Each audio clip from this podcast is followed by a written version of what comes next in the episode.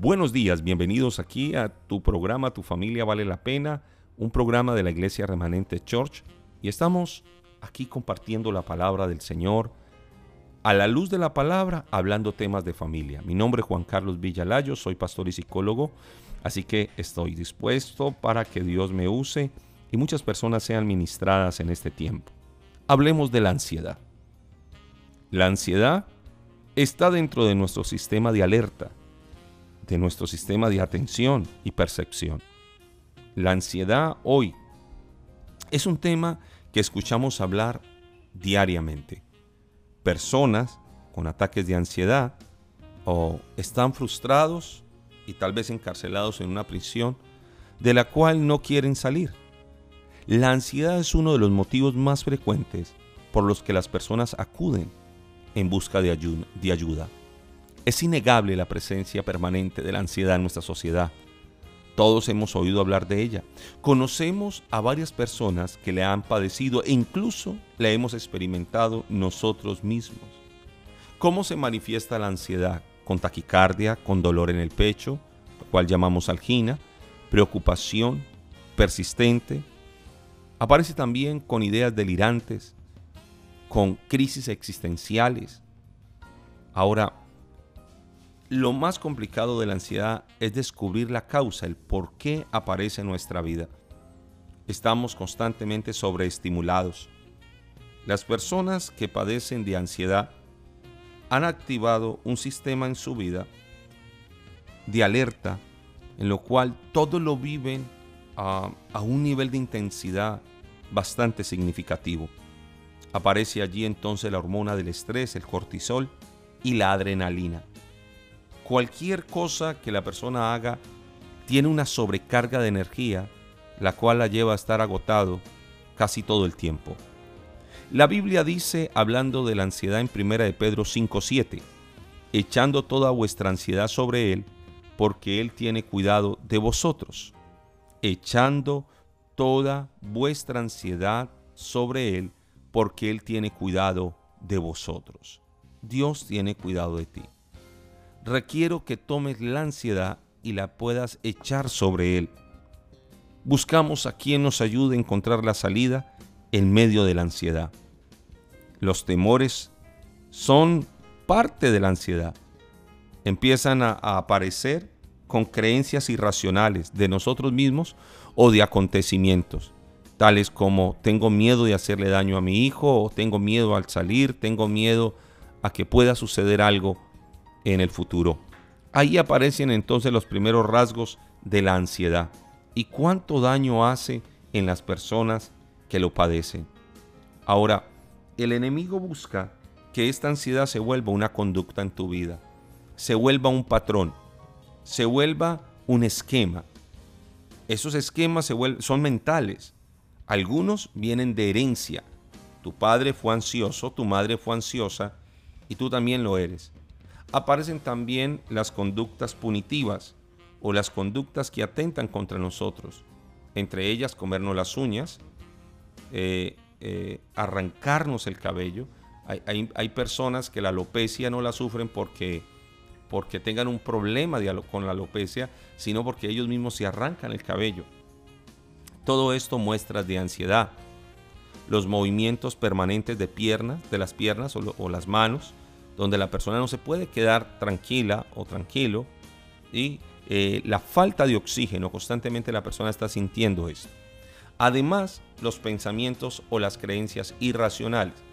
Llamamos creencias irracionales aquellas creencias que son negativas, fatalistas, aún dogmáticas, porque no quieren cambiar.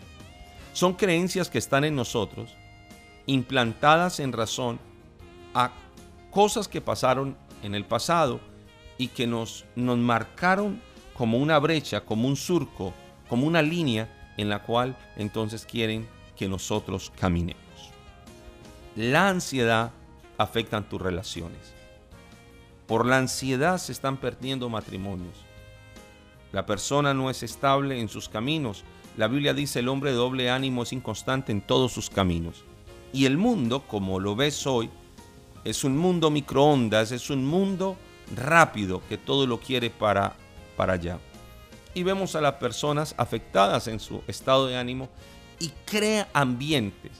Cuando hablamos de crear ambientes, hablamos de personas que solo el hecho de estar ahí ya le genera a uno ansiedad. Así que la ansiedad y la presión lleva a la persona a cometer errores. errores. ¿Ha visto usted una persona ansiosa? Tiene las gafas en su cabeza y las está buscando. La persona con ansiedad, como le falta oxígeno, básicamente le falta oxígeno a ese cerebro, sus pensamientos son cortos y empieza a aparecer los estallidos o intermitentes de ira. Así que todo eso se vuelve un esquema, un antecedente y empiezan a aparecer unas, unos pensamientos y unas consecuencias también. El ABCD, como le digo yo, empiezan a aparecer esas consecuencias a nivel físico, a nivel mental, a nivel emocional, a nivel de conducta, aún espiritualmente, porque le cuesta concentrarse aún para orar. Entonces en este ABC aparece también que necesitamos de ese D, de esa transformación, de, de eso que necesitamos de eso que necesitamos, que empiece esa transformación, ese cambio y que le pueda hoy decir, mira, yo quiero, quiero salir de esta ansiedad que me está haciendo ese daño. Así que en el nombre de Jesucristo te invito para que le digas, Señor, ayúdame, necesito ser cambiado, necesito ser transformado, necesito ser renovado por Dios, porque el enemigo buscará dañar tu vida y buscará dañar a las personas que se relacionan contigo. Y por eso para mí es importante en este día que pueda reflexionar y decir, bueno, yo estoy llevando una vida de ansiedad. ¿Es esto? ¿Así va mi vida? En un mundo de ansiedad donde no paro, donde aunque estoy en casa, tengo mi trabajo en la cabeza y estoy en el trabajo y tengo mi casa en la cabeza y, no, no aparto tiempos, e, ese stop, ese tiempo fuera no lo tomo. Y ahí aparecen, empiezan a aparecer unas consecuencias en tu salud. Y es que constantemente estás irritado o depresivo. Entonces aparece algo que se llama el trastorno afectivo bipolar, ¿sí? Que esto tiene que ver mucho con una deficiencia a nivel cerebral de serotonina y dopamina. Y todos estos neurotransmisores están alterados porque un día no aprendiste a reposar en Dios. ¿Te acuerdas que en Hebreos 4:12 dice, porque la palabra de Dios es viva y eficaz y más cortante que espada dos filos, que penetra hasta partir el alma, las coyunturas y los tuétanos, y discierne los pensamientos y las intenciones de corazón? ¿Sabía usted que Hebreos 4 está hablando de reposo? En Hebreos 4.1 dice, temamos pues, para que permaneciendo la promesa de entrar en reposo, algunos, escucha esto, algunos parezca que no la han alcanzado por la incredulidad, por la dureza del corazón. La Biblia nos llama a reposar, no a la pereza, no al ocio, nos llama a reposar. Y esto es muy importante, que podamos entrar en reposo. La Biblia dice, ¿por qué te abates, oh alma mía, y te turbas dentro de mí? Espera en Dios, porque aún he de alabarle, salvación mía y Dios mío. Pero, el salmista llegó a decir, ¿por qué te abates, su alma mía, y te turbas dentro de mí? Y eso me preocupa, porque algunos anda su, su alma abatida. En el Salmo 119, 28 dice, se deshace mi alma de ansiedad. ¿Escuchó? Se deshace mi alma de ansiedad. Eso sintió el salmista. Pidió que lo sustentara el Señor con su palabra. Pidió que el Señor lo fortaleciera que le diera una palabra para salir de ese estado de ansiedad. Querido amigo, amiga que me escuchas, tal vez estás sufriendo de esto. Y en algunas ocasiones, lo que debería de ser refugio para salir de la ansiedad, que debería ser tu, tu familia o tus amigos o la iglesia, algunas veces son los focos que te están generando esa ansiedad. Yo quiero que le sirvas a Dios. Yo quiero que le sirvas a Dios. Y de verdad, qué rico que lo hagas pero debes de disfrutar. Porque si tú no disfrutas lo que haces, se está volviendo un foco de ansiedad. Te está alterando de tal manera que empieza a destruirte. Hay personas que solo mencionar iglesia les genera ansiedad. Hay personas, ejemplo, la familia, el hogar, que se compone con tu esposa, porque la palabra hogar viene de hoguera, de, construcción, de, de, venir a traer leños y, meterlos a un fogón, le decimos nosotros, para que se caliente ese matrimonio. Eh, eh, habla de una construcción de calor. A veces ese hogar que debería de ser lugar de refugio, se te vuelve lugar de tormento. Se te vuelve lugar de aflicción. Y es el foco de tu ansiedad. Tu esposo, que debería de traerte tanta paz, no es el que te trae paz, te trae esa ansiedad. A veces son tus hijos, a veces es tu suegra o las personas que te rodean o tu trabajo. Quiero que tengas cuidado y seas inteligente en esto, porque a partir de ahora necesito que te aprendas a regular, que cuides tu motivación y tengas conciencia de que todo funciona si estás bien, pero si no estás bien nada va a funcionar. Hoy, echa toda tu ansiedad sobre el Señor y dile, Señor, la ansiedad se me volvió un estilo de vida. Es más, no estás durmiendo bien, que es otra característica de la ansiedad. Mira cómo estás comiendo. Entonces no comes bien, eh, no, no, tienes un reloj biológico para comer. No hay unos ciclos normales de sueño, de sueño y vigilia. Y no hay un ciclo normal de alimentos. ¿Qué está pasando? Estás padeciendo de ansiedad. La ansiedad no se queda ahí, ella va evolucionando, va creciendo. Y eso se te vuelve mañana un problema. Empieza a aparecer una, la, la baja de defensas, tu sistema inmune empieza a debilitarse, empieza a haber resequedad en tus manos, en tus ojos, en tu cuero cabelludo. Y todo esto es por qué? Por la ansiedad. Por la ansiedad. Mira tu quijada algunas quijadas hoy se hacen unas, unas masas al inicio de la quijada, de la mandíbula, perdón, en la persona. ¿Y qué está sucediendo? Que tienes el bruxismo, parte, muestra que hay ansiedad. Algunos ni siquiera lo notan, la sudoración constante. Empiezan a ver unos rasgos y, y empieza a darse cuenta que algo no está funcionando bien.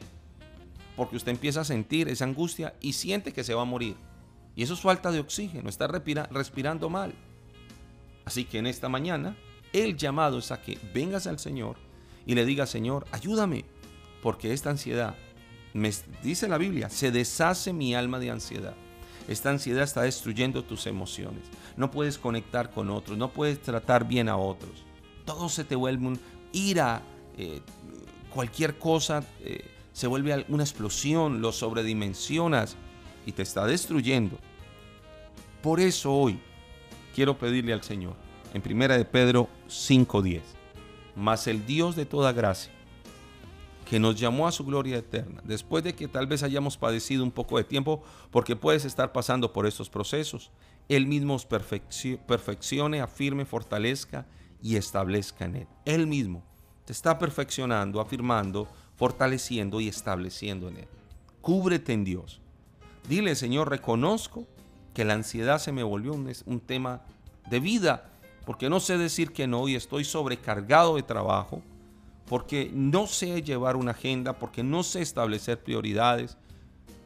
Y yo le digo, es necesario que empezamos a hacer esos cambios y queremos ayudarte. Y como, como iglesia debemos aportarle a la, a la comunidad, a la sociedad, y para eso estamos como iglesia, para ayudarte, porque sé que Dios tiene un propósito y un plan muy grande con tu vida. Vamos a salir de esa ansiedad. Vamos a darle la ansiedad el, lo que debe de ser, ¿cierto? Es parte de nuestra vida. No, no puede desaparecer la ansiedad totalmente, pero sí hay que tener un equilibrio. Sí hay que tener un equilibrio. Porque si no hay un equilibrio te puedes destruir. Y no es bueno. Porque la Biblia nos llama a cuidar el templo del Espíritu. Y eso es parte de nuestra vida. Vamos a orar. Padre, quiero darte gracias por tus hijos, hijas, que en este momento escucharon este programa y dicen, esa es la batalla que tengo. Es la batalla de mi esposo, de mi hijo, de mi hija, que hoy estamos sobrecargados, sobresaturados de cosas y no sabemos descansar. Hoy echamos toda nuestra ansiedad sobre ti porque tú tienes cuidado de nosotros y tienes cuidado de cada persona que me está oyendo en este momento. Gracias Jesús por obrar poderosamente por glorificarte, Señor, y hacer tu obra y sanar a las personas de aquellos trastornos de ansiedad, ya sean generalizados o específicos que están padeciendo. En el poderoso nombre tuyo, Señor, te damos gracias. Amén y amén. Que Dios los bendiga. Nos vemos en un próximo programa. Recuerde, tu familia vale la pena.